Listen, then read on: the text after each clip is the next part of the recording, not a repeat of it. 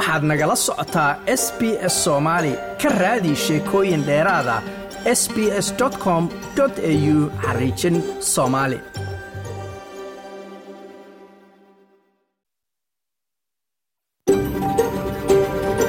SBS, a world of difference. You're with SBS Somali on mobile, online, and on radio. waxaad nagala socotaan s b s soomaali oo aad ka heli kartaan mobil online iyo rediyoga habeen wanaagsan dhammaantiin meel kastoo aad joogtaan ku soo dhowaada laanta af soomaaliga ee idaacadda s b s. Caawa waa habeen arbaca soddonka bisha agost labada kun labaatan iyo saddexda. Barnaamijka caawa wuxuu idinkaga imanayaa stuudioga magaalada melbourne waxaana idinla soconsiinaya anigoo ah maxamed madar. Waxyaabaha idaacadda aad caawa ku maqli doontaanna waxaa ka mid ah barnaamijka australian explain oo ah aan ku soo qaadan doonno nidaamka carruurta ama child kerka la geeyo faa'iidooyinkiisa iyo mararka qaarkood xaaladaha la wajihi karo marka ilmuhu aadka u yaryahay iyo tallaabooyinka habboon. Warbixin baan idinka haynaa sidoo kaleete muxuba qaymaha oo ka qayb gashay bandhig farshaxaneedda hiddaha iyo dhaqanka oo melbourne ka dhacay iyo waraysi aan la yeelannay sidoo kaleete isla muxubo ayaa bandhiggaasi waxa ay wax ku baraysay koox haweena oo markaasi ay baraysay qaabka xoloo falgiyo warbixin baan iyadana aan dhaho waraysiyo kooban iyo su'aalo aan weydiinnay dadkii ka soo qaybgalayaashaabaan iyada inay haynaa madaxweynaha madaxweynaha soomaaliya xasan sheekh maxamuud ayaa isaguna shir jaraa'ida uu qabtay aan warbixin idinka haynaa uu waryaheennu soo diray. Haatanse qodobada warka ugu dorkaroon bisha oktoobar afar iyo tobankeeda ayaa dadka austareeliya ahi ay u dareeri doonaan afti markaasi codsiinta dadka indijineska loo qaadi doono. Atmis oo ku dhawaaqday in ay soomaaliya kala baxayso qaar ka mid a ciidamadeeda mardhow wasiirka arrimaha dibadda ee britain oo isagu booqasho ku jooga dalka shiinaha. Haatana warkii oo fidsan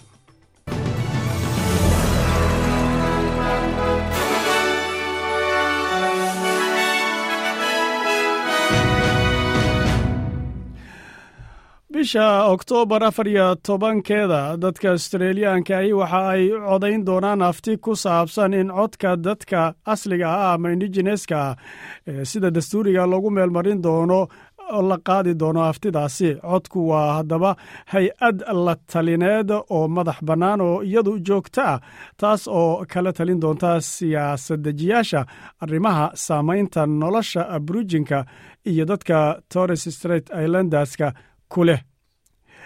baaxadda arrimaha uu codku haddaba tala ka bixin karo ayaa doodihii u dambaysay hadalhayn baaxad leh dhalisay.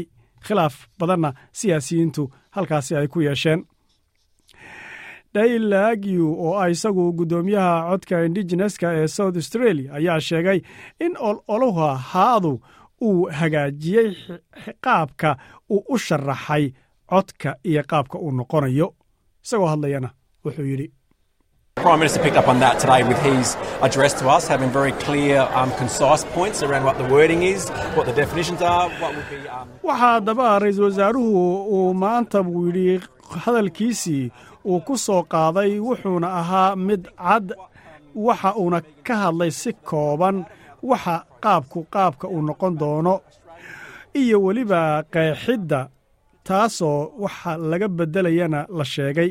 Waxa uu caddeeyey si aad u fudud waxaana fududayd marka in la fahmo. Waxaana rumaysnahay dhambaalka iyaduna megan davis iyaduna kaga hadashay inay ahayd arrintaasi dhanka baarlamaanka inay ka timaado laakiin shacabka austareeliya ayay haatan ku xidhan tahay gaar ahaan kuwa iyagu aan weli go'aan qaadanin. Maya iyo hada waxay samaynayaan kaalaya su'aalaha su'aala kadibna aqoonsada waxa ay hawshu tahay ayuu yidhi. Dhankiisa hogaamiyaha mucaaradka peter datan ayaa isagu waxa uu sheegay dadka indijineska ah codka baarlamaanka haddaba looga raadinaya codbixinta haatan loo daydayayo in ay keliya noqonayso mid kala qaybisa wereerisana shacabka australia waxayna timid arrintan hadalkaasi daatan uu jeediyey kadib markii ra'iisul wasaare antony albanisi uu ku baaqay maanta si ofishaala si rasmiya in wakhtiga la qabanayo codbixintaasi ama aftidaasi ay tahay afar iyo tobanka bisha oktoobar mr. Datan oo isagu hadlaya ayaa waxa ugu yeedhay prime ministerka ama ra'iisul wasaaraha in uu isagu tafaasiil intaa ka badan uu sheego. Waxa uuna yidhi So I don't think people should be bullied into a position. If you don't understand, if you don't know the detail, if you don't ma filayo inay tahay dadka in si qaab cabsigelina loogu kaxeeyo booskaasi haddii aadan fahmaynin buu yidhi haddii aadan tafaasiishahaynin haddii aadan dhab ahaantii su'aalahaaga aan laga jawaabin kuwa khuseeya codkaasi haddii aadan arrintaasi ogayn codkaaga u sii mayada. Halka warkaasi aad kala socotaan waa laanta afka soomaaliga idaacadda s b s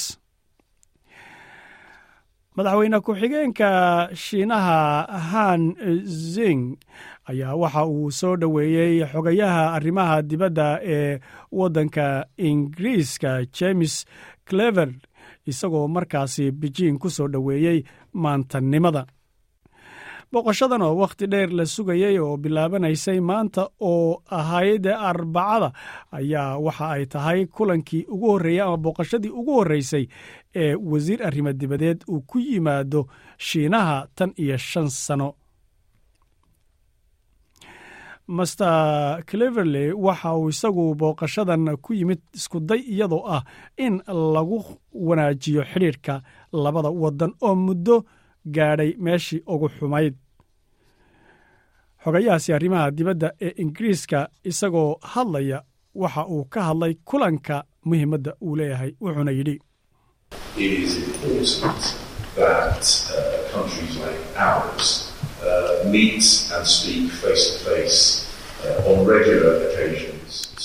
waxaa muhiim ah in ay u baahan tahay waddammada sidanadoo kale ah inay ka wada hadlaan si toos ah foolka foola munaasabada xidhiidha oo lagu xoojinayo isfahanka loogana fogaanayo fahan xumada laguna dawaynayo ama lagu xallinayo khataraha ama dhibaatooyinka iyo khilaafyada dhanka aragtida ah ee soo wajahaysa wadammada dhanka calaaqaadka lamaan ama calaaqaadka labada wadan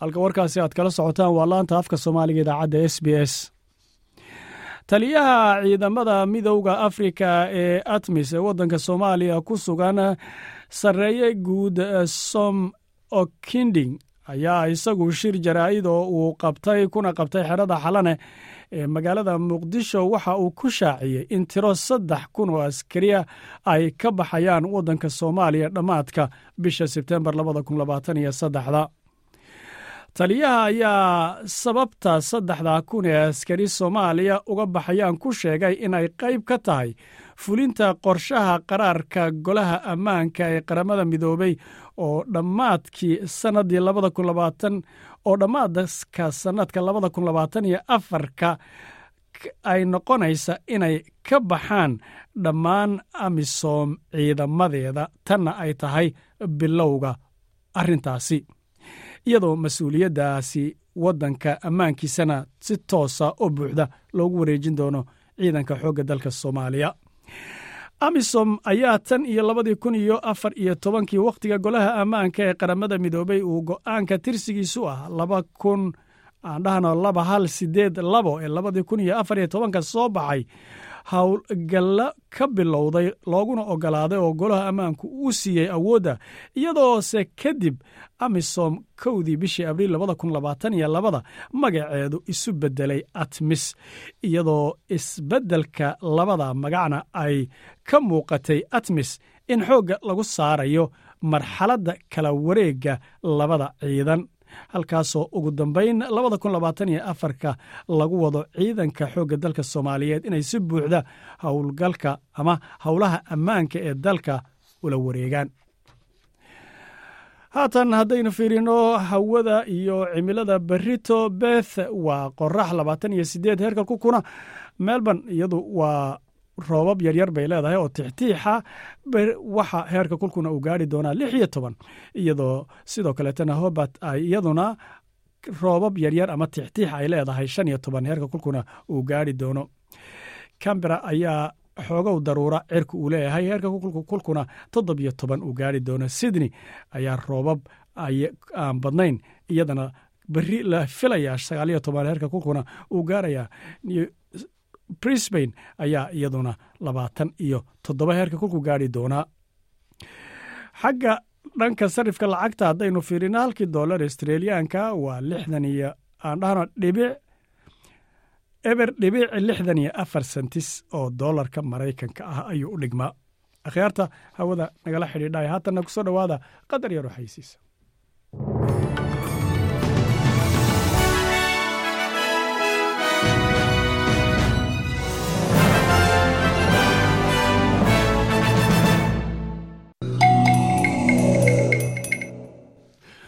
waxaana wanaagsan akhyaarta hawada nagala socotay barnaamijkeena inagoo bilowgiisa ku jirna.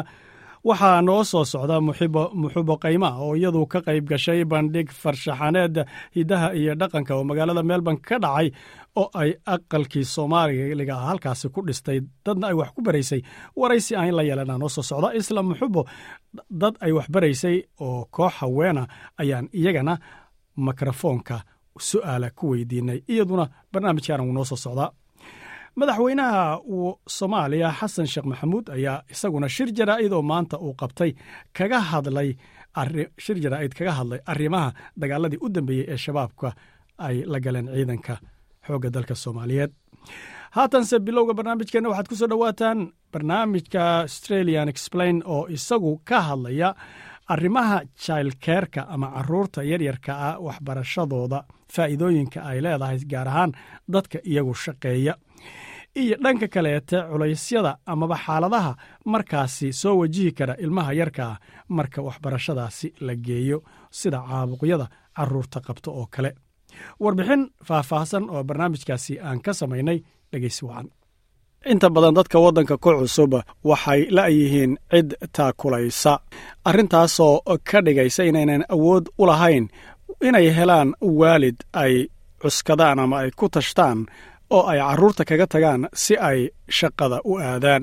Xarumaha waxbarashada ee carruurta yaryarka ahi waxa ay noqon kartaa markan oo kaleete mid caawinaad badan leh waana arrinta aadka loogu taliyo tanoo u oggolaanaysa waalidku inay dib ugu noqdaan shaqada. Ka soo qoridda ilmaha adeegga dhaykeerka sidoo kaleete waa adeeg baahi loo qabo kaasoo dhisaya carruurta difaacooda si gaara carruurta yaryarka ah. Intaasna waxaa kaloo weheliya xarumaha waxbarashada carruurta yaryari. Waxa ay u diyaarisaa carruurtaasi bulsho ahaan iyo sidoo kaleete waxbarasho ahaanba markii carruurta naaska nuuga iyo sidoo kaleete kuwa wax yar ka waaweyn ay bilaabayaan geedisocodkooda waxbarasho kana bilaabaan xarun ka mid a xarumaha carruurta yaryar wax lagu baro waxaa kor u kacaya jidhkooda difaaciisa. Maxaa yeelay waxa ay wajahayaan mikrobaadka xambaara cudurrada cudurrada faafa ee loo yaqaano magaca bags joyti sandu waa baraa meelban ku sugan oo wax ka barta xarun ka mid a xarumaha carruuraha yaryar wax lagu baro. Waxay leedahay waalidka waxaa la siiyaa fadhi wacyigelina inta aan ilmihiisa la qorin oo loo sharxayo goobta ilmuhu uu joogayo muddada uu xarunta fadhiyo iyo waxa ay tahay. Iyadoo hadlaysa waxay tidhi Home is an environment where a child is having only couple of adults uh, exposed to and a very safe environment. But in the early childhood settings, when children come and exposed to gurigu waa deegaan aad ammaan u ah halkaasoo ilmuhu keliya uu la kulmayo labada qof ee waaweyn waa waalidiintiisa balse marka uu xarunta goobta waxbarashada carruurta yaryarka ah uu joogo ee lagu xanaaneeyo carruurtu waxa ay la kulmaan dad aad u badan oo carruur iyo dad waaweynba isugu jira. Aad bay caadi u tahay in ay ku dhacdo nooc jira ah. Waxay intaa ku dartay iyada oo cudurrada xarumahaasi laga soo qaado aynan walwal badan keenin laakiinse qaar ka midihii waxaa suurtagala inuu noqdo mid si khatar ah u faafa saamaynna yeesha. Dor amiir saciidullah waa g b melbourne ku sugan wuxuuna daweeyaa carruurta da'doodu u dhaxayso lix bilood ilaa shan sano oo ah kuwa ka soo qaada jirooyinka amaba caabuqyada goobaha xadaanada amaba dhaykeerada isagoo hadlayana wuxuu yidhi Mostly in winters, most of the infections that we come across are mainly the respiratory illnesses. uh, caabuqyadu inta badani waxa ay ku xidhan yihiin wakhtiga ay sannadka ka yimaadaan jiilaalka caabuqyada aynu aragno badankood waa caabuqyada neefmareenka ee sare ama hoose iyo sidoo kaleete xanuunnada iyaguna dhagaha ee dhexe midka xagaaguna markii kuwaas aan soo sheegna lagu daro waxaa sidoo kaleete inta badan la arkaa cudurro badan oo caloosha ah. Sida uu qabo doctor saciidullah labaatan ilaa soddon boqolkiiba carruurta timaadda goobaha jailkeerka waxaa si joogta ah ugu dhaca caabuqyadaas aan soo sheegnay.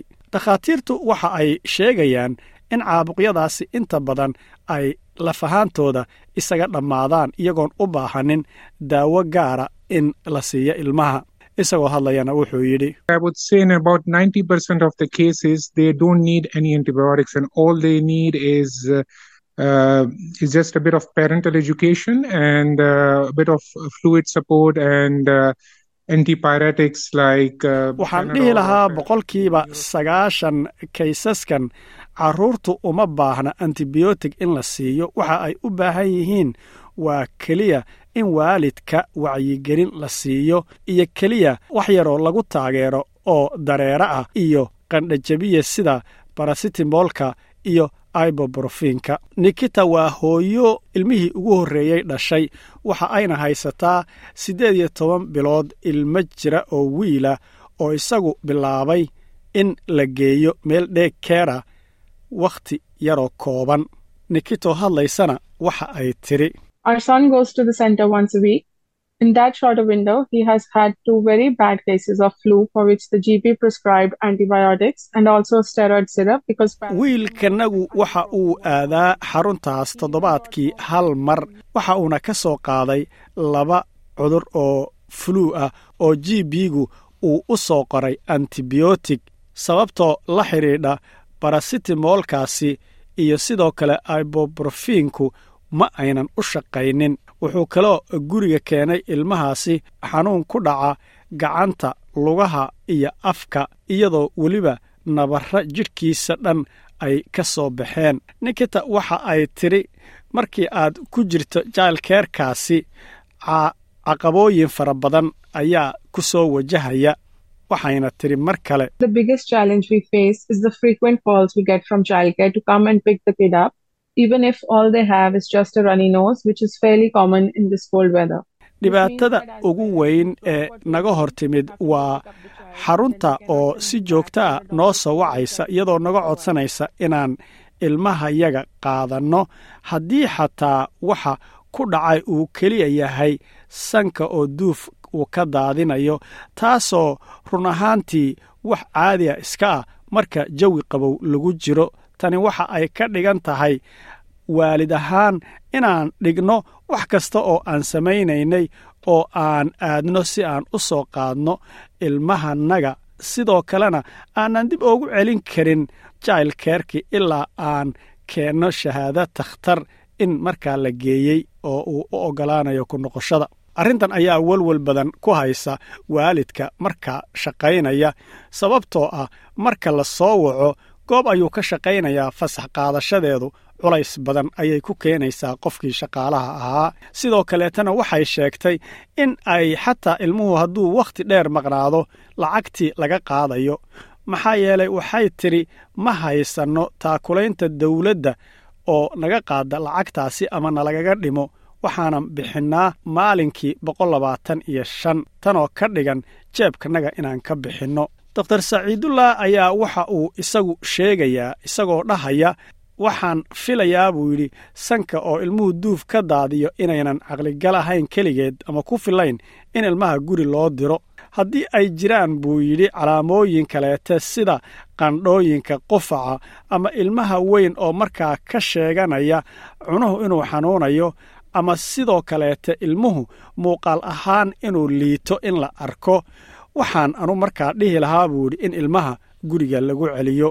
Waxaana jirta ilmaha waxyaabaha looga celiyo amaba looga qaado. Xarunta waxaa ka mid a in temberajarka ama kulka ilmuhu uu kor u kaco soddon iyo sagaal ilaa afartan iyo uu gaadho. Iyo sidoo kaleete ilmaha shuban in lagu arko ama mantaq oo kaleete. Waxaase jirta iyadu si caadi a ilmuhu marka uu xanuunsan yahay in guriga loo qaado inay tahay buu yidhi sababtoo ah waxaa imanaysa midi waa ilmaha lafahaantiisa oo daryeelkiisa loo baahan yahay oo haddii markaasi ay tahay in isbitaal horey laga geeyo amaba si gaara loo keergareeyo in uu mudan yahay ilmahaasi in dadaalkaa uu helo.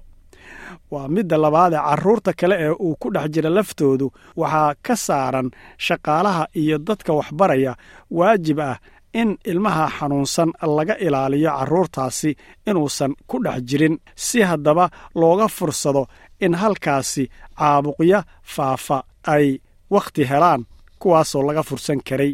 Doctor saciidullah ayaa isagu waxaa kaloo uu sheegayaa in ilmaha oo si fiican loo nafaqeeya lafteedu inay muhiim tahay cudurrada yaryarka ee soo noqonaya. Wuxuuna sheegay isagoo hadlayana wuxuu yidhi inta badan carruurta noocaasihi waa carruur cunto xun taasina waxay la xidhiidhaa inay la ilxun yihiin nafaqadarro sida nuqsaan kaga timaada ironka iyo fitamin d-ga. Sidaa daraaddeed in nafaqooyinkooda lagu kabo qaab kiniini ahaana ama qaab dureere ah ayaa waxa ay kor u qaadaysaa nidaamka difaacooda iyadoo sidoo kaleetana ka yaraynaysa fursada inay caabuqyada noocaasoo kale ah ay ku dhacaan. Sidaa daraaddeed takhaatiirtu waxa ay si xooga oogu taliyaan tallaalka carruurta in la siiyo tanoo ah qaab looga hortago caabuqyada carruurta dhexdeeda ku faafa iyo sidoo kaleete una soo gudba ama saamayn kara dadka waaweyn ee ku xeeranba. Akhyaarta na dhegaysanaysaay intaasna waxaa noogu dhan barnaamijka carruurta yaryarka iyo waxbarashadooda waxyaabaha ay faa'iidooyinka ku leedahay iyo xaaladaha ka soo bixi kara iyo sida loola macaamalo. Haatan qadar yaro xaysiisa waxaana wanaagsan mar kaleete akhyaarta hawada nagala socotay barnaamijkeena innagoo haatan ku jirnaa bilowgiisa iyo bartamihiisa ku sii socona. Waxaa noo soo socda muxuba qaymaa oo iyadu koox haweena baraysa farshaxanka bandhig farshaxaneedna kaga qaybgelaysay baridda dad alaabaha amaba agabka lagu dhiso guriga oy kabadu ka mid tahay. Haatanse waxaad ku soo dhowaataan waraysi aan muxubaqayma lafteeda la yeelannay iyadoo ka qaybgelaysay farshaxanka hiddaha iyo dhaqanka bandhig lagu sameeyey melbourne. Su'aasha aan weydiiyey waxa ay ahayd dareenkeeda iyada oo guri weyn oo aqalkii soomaaliga ahaa ku dhistay goobtaasi iyadoo sidoo kaleetana koox haweena wax waxayna ku jawaabtay. Runtii aad baan ugu faraxsanahay inaan ka mid noqdo dadka lagu soo casumay oo aan dhaqamadeeni dhaqan dee soomaali aan ka mid noqonno oo kalturaal ahaan intaasoo dhaqan baa jooga iyo intaasoo dadoo soo bandhigaya dhaqankooda iyo kaljarkooda iyo aqoontooda soo bandhigaya qaar xataa waxaa ku jira geedaha oo say u kala duwan yihiin. Xataa ka sheekaynaya oo maaragta geedihii geedaha nafaca leh oo la anfacadsado sida fruudka iyo qudaarta iyo waxyaalahaas iyo geedaha la harsado oo dadku harsan karaan sidaad u beeran lahayd baa xataa ku jirta. Aniga qaybtaydu waxay ahayd labadaas ba isugu jirdhayoo geedahana aad baan u intersgaraynayo ila waa geedihii aqalkeenno iyo uu ka samaysanaa iyo dhaqankeennuba runtii aad iyo aad bay wiigaan oo dhan maaragta asbuuc dhan bay ahayd. Maanta waa maalintii ugu dambeysay oo aan dadka waxaan barayay sida loo sameeyo kabadda. Aad bay dadku u intersgaraynayeen dhaqankeenna finka wiifinka ah oo maaragta gacanta wax lagu sameeyo. Faraha dadka keliyaho horta waxaan nahay tobankooda farood wax aqal dhan ku sameeya baan nahay oo aan u baahanin. Maxaan ku rahdaa mudac iyo madiil iyo waxyaalo kaloo lagu sameeyo harqaana xataa uma baahnin baadiyaheennu dee waa maasha allah iyo dadkan caqli. Marka aad baa runtii aan ugu faraxsanahay. Aan isleeyahayna waa gool weyn waa ka gaartay. Sababta waxyaalahan waxaan u samaynayo dhan ayaa waxay ahayd inaan kaljarada australia dhaqamadeeda inaan ka soo muuqanno. Aad iyo aad maarata aan ka soo muuqanno baan aad u danaynaya runtii. In badanna hadda waa ka soo muuqanay waana rajaynayaa inaan meel kastoo aan joognana ka soo muuqan doono dhaqankeenna iyo kaljarkeennu uu ahaan doono dad in la gartay. Waxaan u jeedaa haweenaad ku barayso farshaxankii laftiisii waxay samaynayaan baan u malaynayaa kabad. Ayay samaynayaan.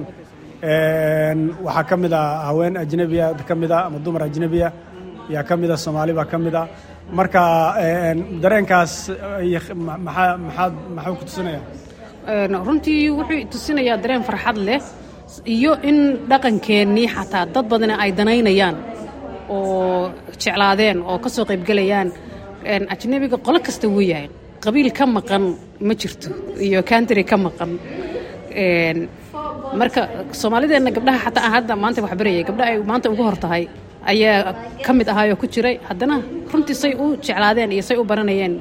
Aad maxaad ku idhaahdaa la yaabay sidoo maaragta maasha allah ay aad u barteen una danaynayeen dadka ajanabiga ah laftirkoodu sidoo kale qaaraan isaga egnahay baa jira waxyaala waxbarashada gacanta.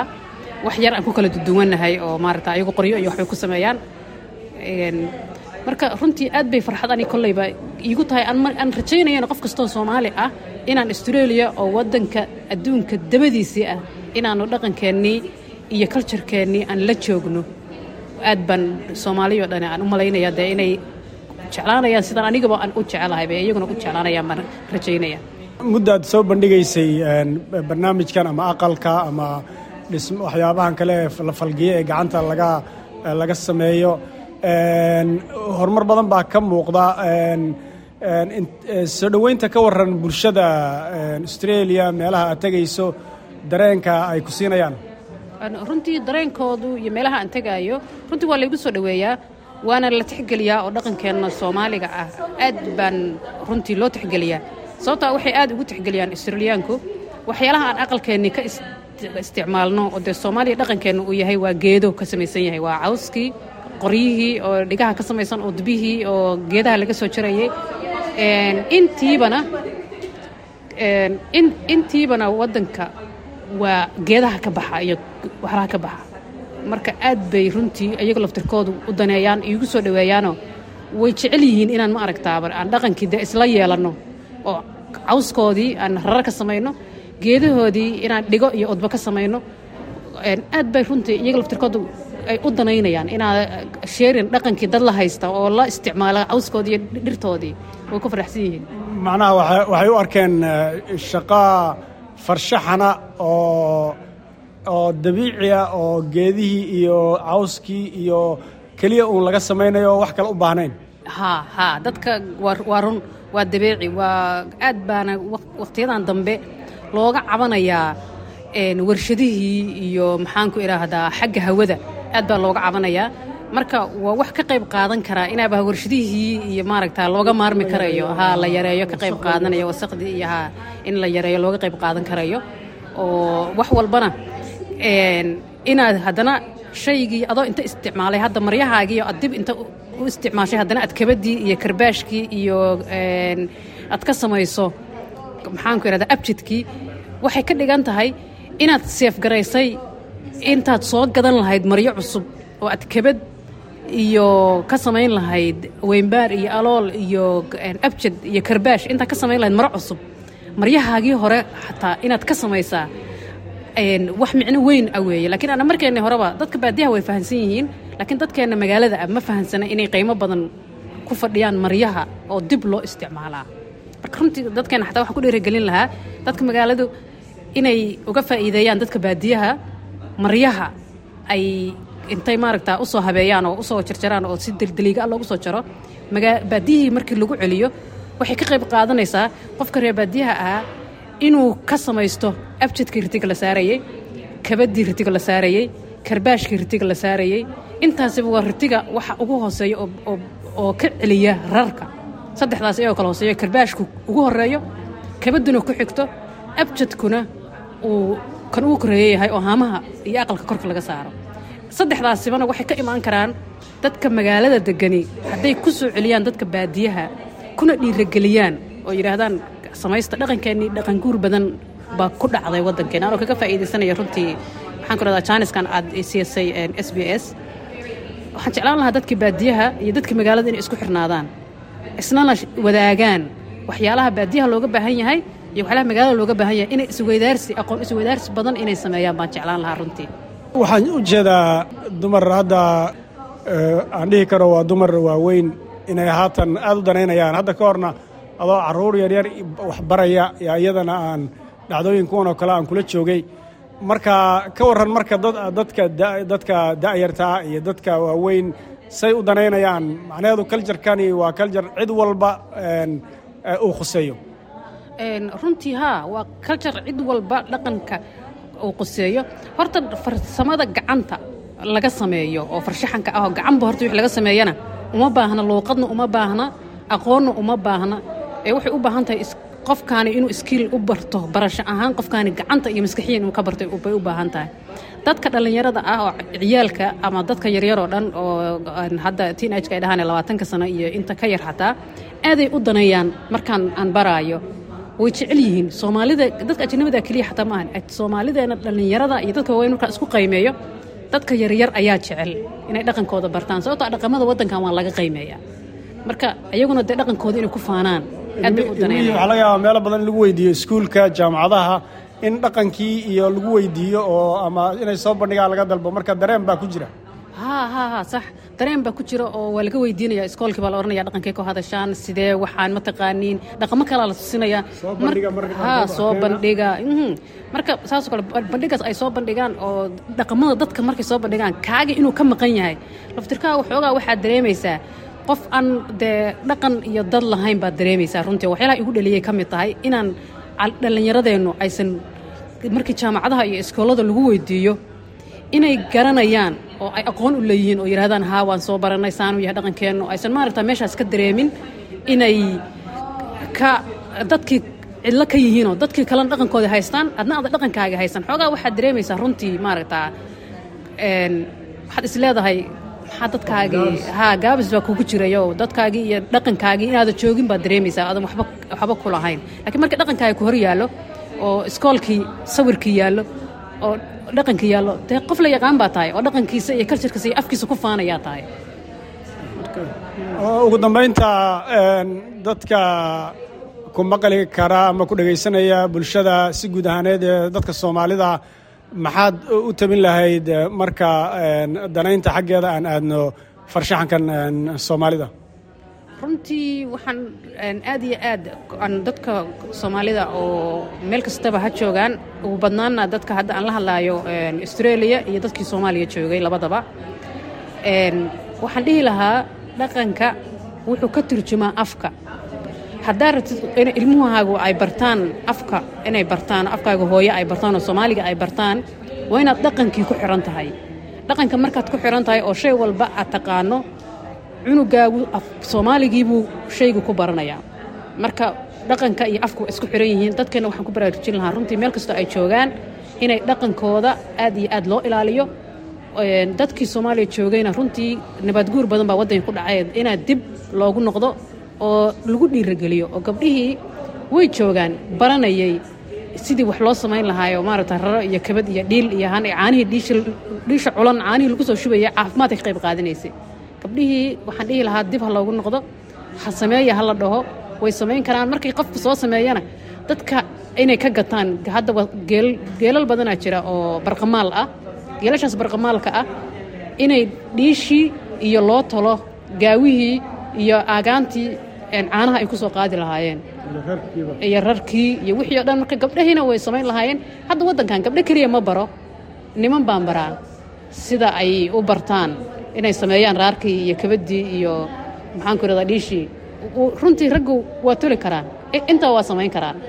Laakiin raggeenna soomaaliya waxaa la bari jiray keliya midda qoran oo maaragta dhiisha qoraalka ahayd oo la qornayd iyo mooyaha iyo koorta iyo qaybtaasee la bari jiray laakiin qayb kasta way ka qayb qaadan karaan runtii. Hadda markaan waa la iscaawin karaa. Sheekadii qorqodihii iyo ma jirtaad leedahay iyo wixii soomaaliya may may sheekay qorqodo iyo waxaas waa soo dhammaatay markaan digsiga iyo dhiisha iyo haanta garabkaa laysla haysanayaa gadaankaa layskula wada dheganaanayaa.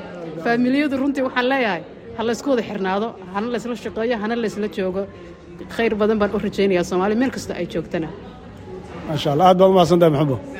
Adaa mudan mudan akhyaarta hawada nagala xidhiidhay intaasina waxaa noogu dhammaaday muxubo qayma oo ka qayb gashay bandhig farshaxaneed hidaha iyo dhaqanka oo magaalada melbourne ka dhacay halkaas oo ay ku soo bandhigtay aqalkii hidaha iyo dhaqanka ee soomaaliyeed. Iyadoo sidoo kaleetana koox dumar ah wax ku baraysay sida loo falgiyo ama loo sameeyo agabka guriga oo guri soomaaliga ama aqal soomaaliga lagu dhiso oo laga sameeyo. Haatan. Qodobada warka ugu doorka roon. Bisha oktoobar afar iyo tobankeeda australiyan dadka australiyaanka ahi waxay u dareeri doonaan afti markaasi loogu codayn doono codsiinta dastuuriga ee dadka indigeneska artemis oo ku dhawaaqday in soomaaliya ay kala baxayso qaar ka mida ciidamadeeda muddo dhow. Wasiirka arrimaha dibadda ee britain oo booqasho ku gaadhay dalka shiinaha. Haatan akhyaarta hawda nagala xidhiidhay qadar yaroo haysiis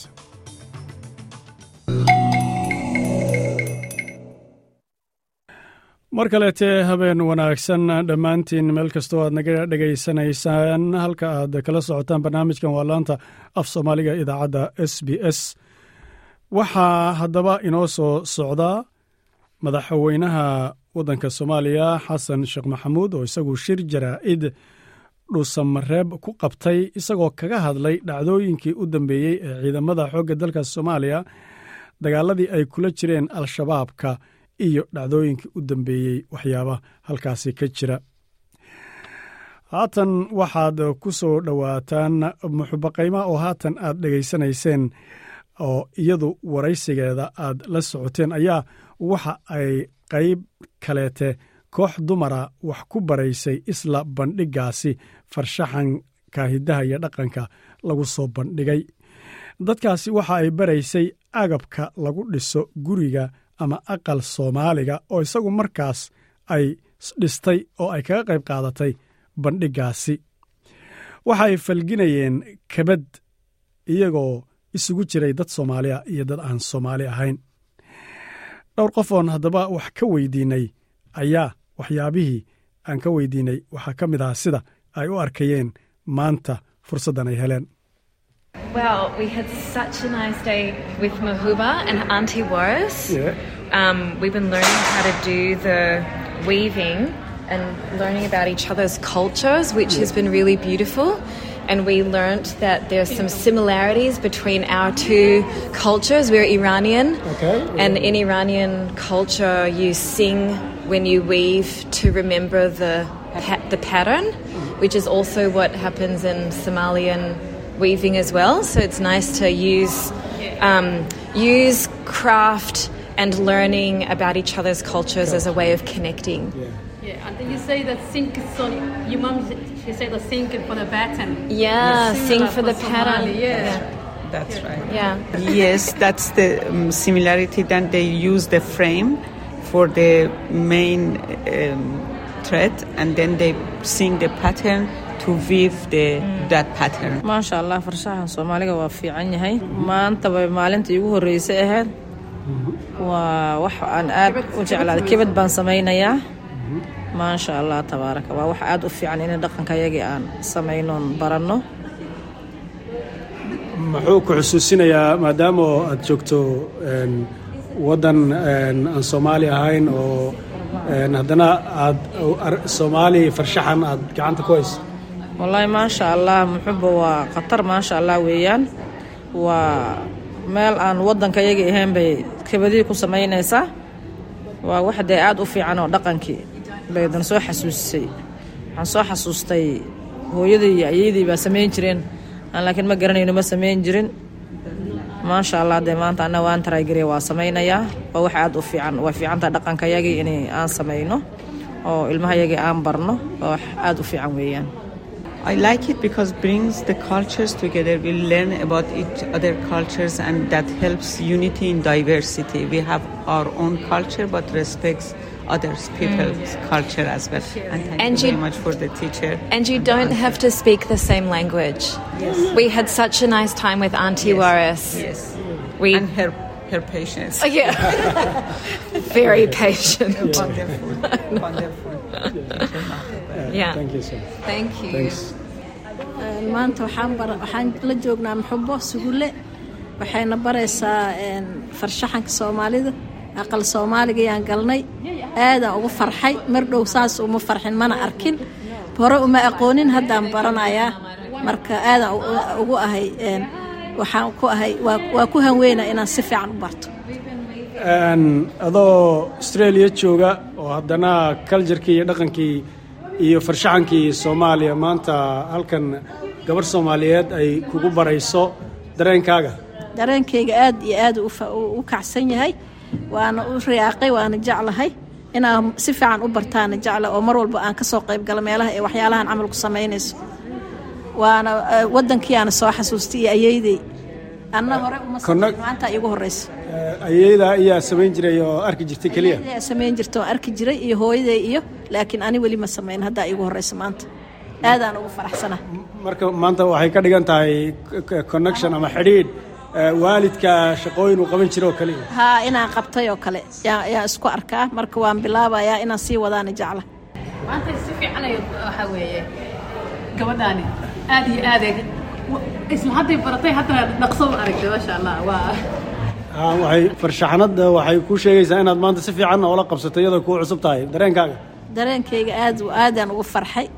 Marka xoogaa waan bobsiyaa laakiin inaan is yaro dejiyo oo aan si fiican u bartaan jecla. Hadduu alla idmo boobsintaasaaba loo baahan yahayba Ilaa waxa weeye gabar baadiyo oo aqlaba diryaalo ah oo mariinkiisa iyo ganuuntiisa waa waa dhisan kartaa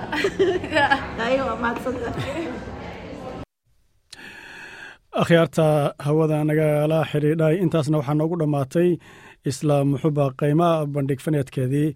Qaybtii ay kooxda dumarka ah ku baraysay sida loo falgiyo agabka lagu dhiso aqal soomaaliga. Si gaara kabadda agabka loo yaqaano haatan qadar yaroo akhyaarta hawada nagala xidhiidhay waxaa nagu soo aadan iyadana aan dhahno barnaamijkeenna ugu dambeeyey ayaan haatan idinku soo dhoweynayaa madaxweyne xasan sheekh maxamuud ayaa isagu shir jaraa'id oo uu dhuusamareeb ku qabtay kaga hadlay dhacdooyinka ka midka ah ama dhacdooyinka ugu dambeeyey ee ka dhacay ee aaggaasi dagaaladii ka socday iyagoo al-shabaab ay sheegteen dagaal ay qaadeen inay ciidan badan ku dileen balse madaxweynuhu shirkiisan jaraa'id ay ka mid tahay in uu ku beeninaya arrintaas. Isagoo sidoo kaleetana dhambaal u diraya madaxda ciidamada qaarkeed inay dareen iyo feejignaan yeeshaan. Dhegaysi wacan haatan waraysigaasi amaba shirkaasi jaraa'id madaxweynaha soomaaliya xasan sheekh maxamuud oo shir jaraa'id ku qabtay magaalada dhuusamareeb oo ku sugan yahay ayaa waxa uu ka hadlay arrimihii ugu dambeeyey ee dagaalka al-shabaab. Dhacdadii ka dhalatay weerarkii coos weyne isagoona sidoo kale sheegay in lala xisaabtami doono mas'uuliyiinta iyagu sameeya dayacaadda. Labada waxyaabood oo inaan kala saarno u baahan waxay tahay guud ahaan guusha dagaalka ee xoraynta iyo goob dagaal ka dhacay wixii ka dhacay madaxweynaha soomaaliya xasan sheekh maxamuud oo ugu horreyntii ka hadlayey shirkaasi jalaa'id ayaa waxa uu ka hadlay dagaalkii coos weyne isagoona sheegay in kooxda al-shabaab ay faafisay warar been abuur ah islamarkaana ay ka been sheegeen sida uu yidhi tirada ciidamada dowladda looga dilay dagaalkaasi taasi beddelkeedna al-shabaab ay hal xabaal wadareed ay ku aaseen boqol iyo sagaashan dagaalame oo looga dilay dagaalka coos weyne siduu hadalka u dhigay. Waxaan rabaa xogta dhabta ah beenta lagama sheego xogta dhabta ah ee cows weyne waxay ku soo ururtay. Shabaabka nambarka ciidanka waa ka dilna ay yidhaahdeen inuu been yahay.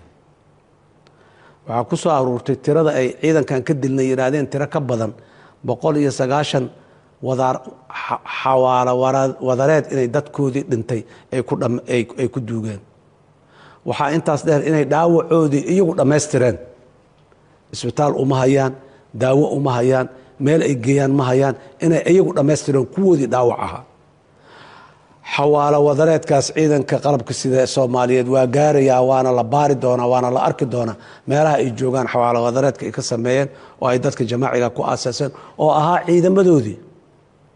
Sawirro isku soo kabkabeen oo ciidamo mar hore qalab ciidanka xoogga dalka iyo ciidanka amison qalab ay ka qaateen intay isku soo kabkabaan oy isku soo xidhxidhaan inay maxaanku irahdaa ay been ka sheegaan. Waayo waxaa muxuu ahaay baraha baraha saxaafadda iyo miidiyaha wareegayo in badanoo ka mid a. Waa run wiilaa naga dhintay. Dagaalaan aadna dagaal waa lagu soo dhintaa waa lagu soo dhaawacmaa. Guul iyo sharaf iyo heybadaa lagala soo noqdaa. Hooyada wiilkeeda dalka xoreynaayo sharafay ay dheer tahay. Hooyada wiilkeeda muxuu ahay meelo kale oo aan maslaxadda caamka ummadda aan ka shaqaynayn u dirsatay waxbay dheer tahay.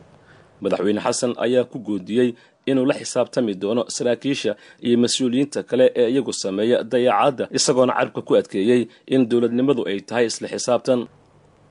Waxaa la joogaa wakhtigii geesiyaasha mudan in la abaalmariyana la abaalmari lahaa. Waxaa la joogaa wakhtigii kuwa awoodda ciidankee la siiyey ku takrifalay khiyaanada sameeyey dadka mardabdabeeyey waagii lala xisaabtami lahay bilowgeedii waa la joogaa waana la isla xisaabtamayaa dowladnimo waa isla xisaabtan. Kuwa ka shaqaynaya in ciidanka ay tashwiish geliyaan waa ogaada waa shabaab. Noogama sokeeyaan kan shabaabka ay qoraqa iyo qaraxa wato noogama sokeeyaan. Marka taas maalinteeda iyo waayaheeda u tegayna laakiin waxaan rabaa geesiyaasha ciidanka xoogga dalka soomaaliyeed. Ceebna ma lihidiin. Canaanna ma lihidiin. Waa dadaasheen waa qabateen doorka idinku filnay. Dad idinku dhex jiro ama sarkaal ha ahaado ama askari ha ahaado ama qof kale ha ahaadee oo khalad sameeya hadduu jiro waa lala xisaabtamayaa. Laakiin khaladkiisiya qofna iyoanu ta'hiirin waxaan leeyahay heybad iyo sharafaad leedihiin xuquuqdii dalkiina intuu awoodo maanta waa la idin siiyaa. Wixii dhammanna waa la idiin soo dhammaystiraa meeshii khalad ka dhacana waa la saxaa. Khalad la'aan ma ahaanayno? Bini aadanaan nahay. Meeshii khalad ka dhacana waa la saxaa.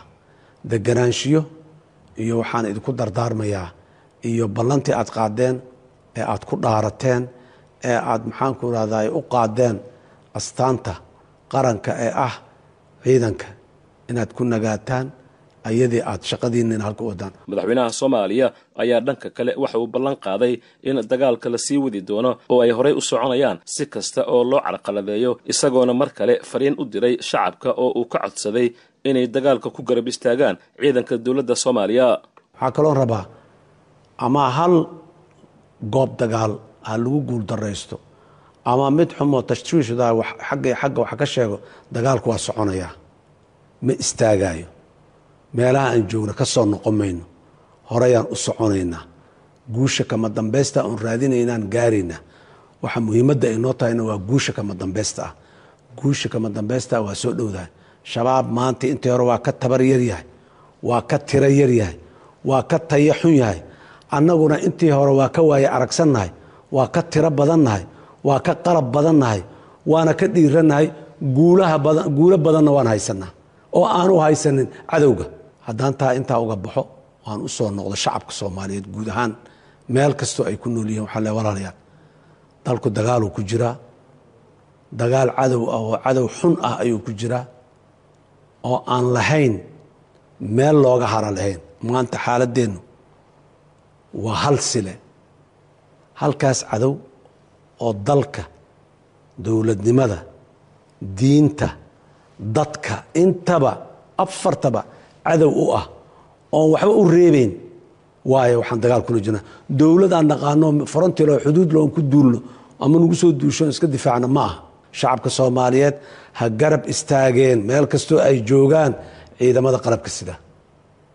Ha garab istaageen. Meel kastoo ay joogaan difaaca dadweynaha difaaca shacabka difaaca deegaanka wiilasha u istaagay ee jooga. Sidaas waaye sida waajibka muqadaska dhammaanteen shacabka soomaaliyeed nagu ah maanta xoolihiinna caqligiinna codkiinna xooggiinna dhammaan maanta waxay mudan tahay inaan u jeedinno goobaha maxaanku idhahdaye uu dagaalku ka socdo inaan u jeedinno garab istaagga geesiga qorga qaatay ee cadowga inuu soo dilo rabo si kastaba ahaatee shirkan jaraa'id ee uu madaxweynaha soomaaliya uu qabtay ayaa imaanaya xilli ay taagnayd xiisad culus oo qabsatay baraha bulshada. Tan iyo markii horaantii toddobaadkani al-shabaab ay weerar culus ku qaadeen deegaanka layidhahdo caws weyne ee ka tirsan gobolka galgaduud halkaasoo al-shabaab ay sheegeen inay ku laayeen askar fara badan oo ka tirsan dowladda soomaaliya waxaana kadib soo baxayay shakeeye ku aadan in ciidankaasi la dayacay oo arrintu ay ahayd mid ku talagal ah taasoo markii dambe keentay sida saraakiil ka tirsan dowladduba ay xaqiijiyeen in ciidamada dowladda dib uga soo gurtaan. Deegaano ay horey ugala wareegeen xarakada shabaab oo ay ka mid yihiin ceel dheere masagawaay wabxo budbud iyo galcad oo ka kala tirsan galmudug iyo hirshabeelle walow ciidanka dowladdu ay weli gacanta ku hayaan degmada ceelbuur oo lix iyo toban sano kadib jimcihii gacanta u soo gashay. Akhyaarta hawada nagala xidhiidha intaasna waxaa noogu dhan warbixintani madaxweyne xasan sheekh maxamuud uu shirka jaraa'id ku qabtay waryaheenna uusan noo soo diray cabdixafiid zaciimka haatan barnaamijkeenna oo gabagaba ah haddaynu ku celinno qodob wareedkii u dambeeyey. Taliyaha ciidamada midowda afrika atmis ayaa isagu waxa uu ku dhawaaqay in saddex kun oo ka mida askarta ciidankaasi atmis ay ka bixi doonaan waddanka soomaaliya gabagabada bisha sebtembar iyo saddexda taliyaha ayaa isagu sabab ooga dhigay bixitaankaasi in ay qayb ka tahay qorshaha labada kun labaatan iyo afarta la doonayo atmis inay waddanka ooga baxdo. Taasoo markaana ay noqonayso wakhtiga ciidamada waddanka soomaaliya. Ay la wareegayaan guulahooda iyo ujeedooyinkooda ama dhahno howlaha ammaanka ay la wareegayaan. Haatan gebagabada barnaamijkeenna iyo qadar yaroo heesa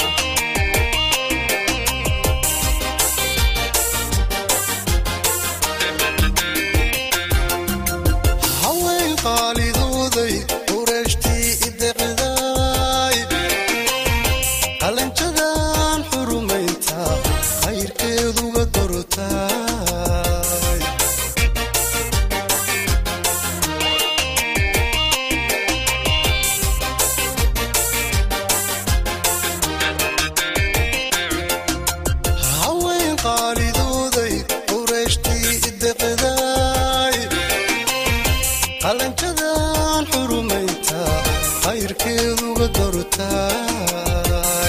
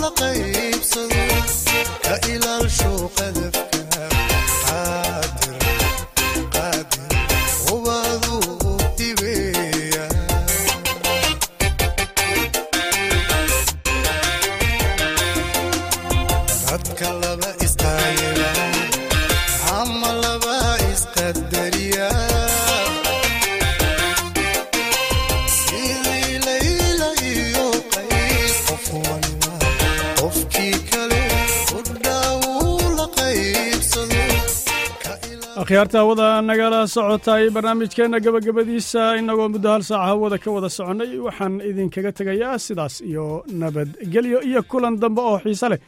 Intaan mar kaleeta ku kulmi doonno barnaamijkan oo kale ah. Halkani waa laanta afka soomaaliga idaacadda s b s